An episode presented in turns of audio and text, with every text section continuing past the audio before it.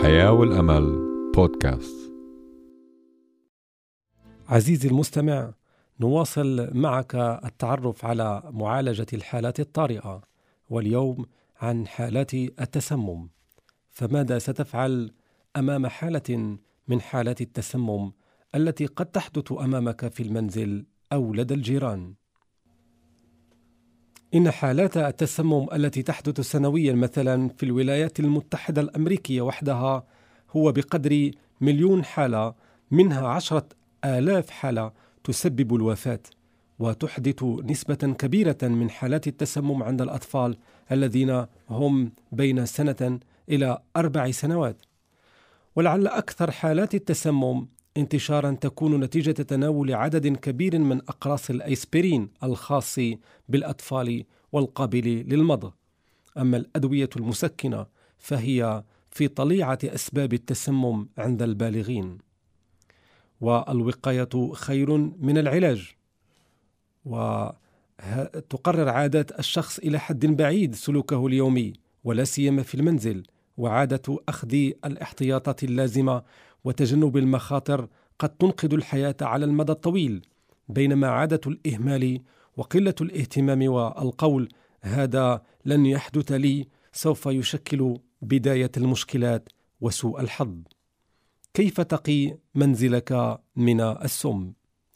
اولا احتفظ بكل العقاقير والأدوية والمواد السامة والمواد الكيميائية المنزلية بعيدا عن متناول الأولاد.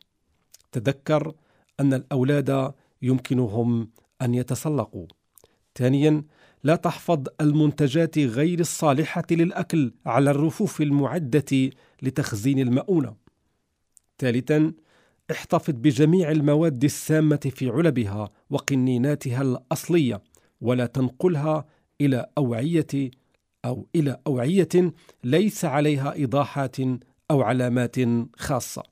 رابعا أتلف الأدوية عندما لا تعود صالحة أو قابلة للاستعمال ولا تضعها حيث يمكن أن يصل إليها الأولاد ويستحسن أن تلقيها في المرحاض. خامسا عندما تقدم للأولاد دواء ذات نكهة طيبة وبألوان زاهية سميه دائما دواء ولا تسميه حلوى أبدا سادسا لا تعطي أو تتناول دواء في الظلام سابعا اقرأ الإيضاحات على المنتجات الكيميائية قبل استعمالها ما هي أعراض التسمم؟ تمثل أعراض التسمم وعلاماته أعراض الأمراض المعدية إلى حد ما وهي تشمل فقدان الشهية ووجع البطن واعتصار المعدة والميل إلى التقيؤ والإسهال كما أن جلد الشخص المصاب قد يكون باردا ورطبا ومزرورقا وأخيرا قد يفقد المصاب وعيه ويصاب بالتشنج. وما هي الإسعافات الأولية التي يمكن أن نقدمها في حالة التسمم؟ أول شيء هو الاتصال الهاتفي الطارئ. فعندما تشتبه بحدوث التسمم اجري اتصالا تليفونيا طارئا بالطبيب أو بغرفة الطوارئ في مركز الإسعاف أو بمركز السيطرة على التسمم إذا وجد. ويفضل أن يقوم بالاتصال شخص غير القائم بعملية الإسعاف الأولى كي يخصص كل وقته للعناية بالمريض. قدم أكبر قدر ممكن من المعلومات أثناء اتصالك. كل إشارة إلى طبيعة السم وأعراض المرض ومكان وجود المريض تماما. ويتوجب على الشخص القائم بالاتصال أن يطلب تعليمات حول طريقة العناية بالمريض إلى أن يصل العون أو أثناء نقل المصاب إلى غرفة الطوارئ. أما الإسعافات الأولية للتسمم بالاستنشاق فعندما يكون المصاب قد تنفس غازا ساما مثل أول أكسيد الكربون انقله من الغرفة أو المكان الذي استنشق فيه الغاز واعمل له تنفسا اصطناعيا بقدر الحاجة إلى إبقاء تنفسه مستمرا. ثم أطلب العون من شخص مدرب وإذا وجدت قنينة أو أكسجين أطلق تيار غاز الأكسجين تحت أنفه كي يستنشقه أما الإسعافات الأولية في حالة التسمم من خلال الفم فحاول في هذه الحالة التعرف إلى طبيعة السم أو الدواء المبتلع واعط هذه المعلومات وغيرها إلى الطبيب أو فرقة الطوارئ أو مركز السيطرة على السم عند إجرائك المكالمة الهاتفية. احفظ الوعاء الذي كان يتضمن المادة المبتلعة إذا وجد وأي جزء متبق من السم أو الدواء. واحتفظ أيضا بمحتويات المعدة عندما يتقيأ المريض حتى يفحصها الطبيب أو الشخص المصاب. إن نوعية الإسعافات الأولية لشخص ابتلع سما أو جرعة كبيرة من الدواء تعتمد على حالته الحاضرة وعلى نوع السم أو الدواء الذي ابتلعه ولذلك سنعرض فيما يلي خمس طرق لمعالجة هذا النوع من التسمم وذلك حسب حالة كل مصاب. وإليك هذه الطرق العامة لمعالجة التسمم عبر الفم. فالطريقة الأولى عندما يفقد المصاب وعيه اطلب العون من شخص مدرب. اعطي المصاب تنفسا اصطناعيا ولا تقدم له سوائل ولا تكرهه على التقيؤ. ولكن إذا تقيأ أدر رأسه كي يخرج القيء من فمه واحتفظ بالقيء ليجري الطبيب الفحص عليه فيما بعد.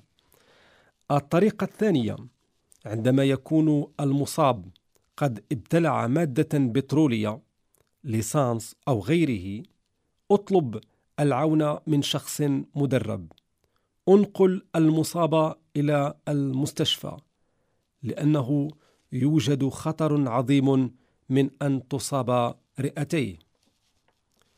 اخلع عن المصاب الثياب الملوثة واغسل الجلد تحتها. استعمل التنفس الاصطناعي اعطيه كأس حليب ليشربه فيخفف تركيز محتويات معدته. ويمكن أيضا إعطاؤه بياض البيض أو موزا معجونا بواسطة الفم كي تهدأ الأعضاء الملتهبة.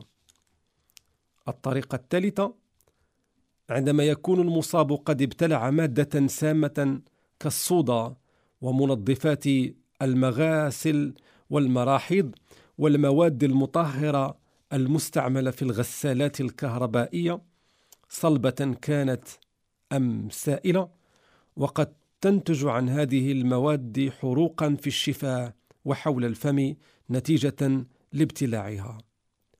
اطلب فورا العون من شخص مدرب وابدأ بنقل المصاب إلى المستشفى. لا تحاول أن تدفعه إلى التقيؤ. ويمكن تسكين هيجان الأغشية المصابة عنده بأن يبتلع قشدة كريم أو بياض البيض. استعمل قطع الثلج كي تشبع عطشه. الطريقة الرابعة عندما يصاب المريض بتشنجات لا تحاول أن تمنعه من التحرك بل امنعه فقط من إيذاء نفسه ولا تعطيه سوائل بواسطة الفم ولا تكرهه على التقيؤ. لكن إذا تقيأ أدر رأسه كي يخرج القيء من فمه. الطريقة الخامسه عندما يكون المصاب واعيا وغير مصاب بتشنجات ولم يبتلع مادة بترولية أو سما أكالا مثل المواد المطهرة. أمونياك مثلا. ماذا يجب فعله هنا؟ اولا خفف من تركيز السم في معدة المصاب بجعله يشرب الحليب أو الماء. ثانيا أفرغ معدته بأن تشجعه على التقيؤ. ثالثا أتبع ذلك بكوبين أو أكثر من الماء أو الحليب وإذا لم يتقيأ المصاب في خلال خمس عشر دقيقة يدخل القائم أو يدخل القائم بالإسعاف إصبعه ويدغدغ في رفق الجدار الخلفي من حنجرة المصاب. ويحث المصاب على التقيؤ حتى ولو مرت ساعات عدة على ابتلاع السم. ويمكن تقديم الفحم النباتي الشربون الأسود المنشط بعد تقيؤ آه، المريض كي يمتص السم المتبقي.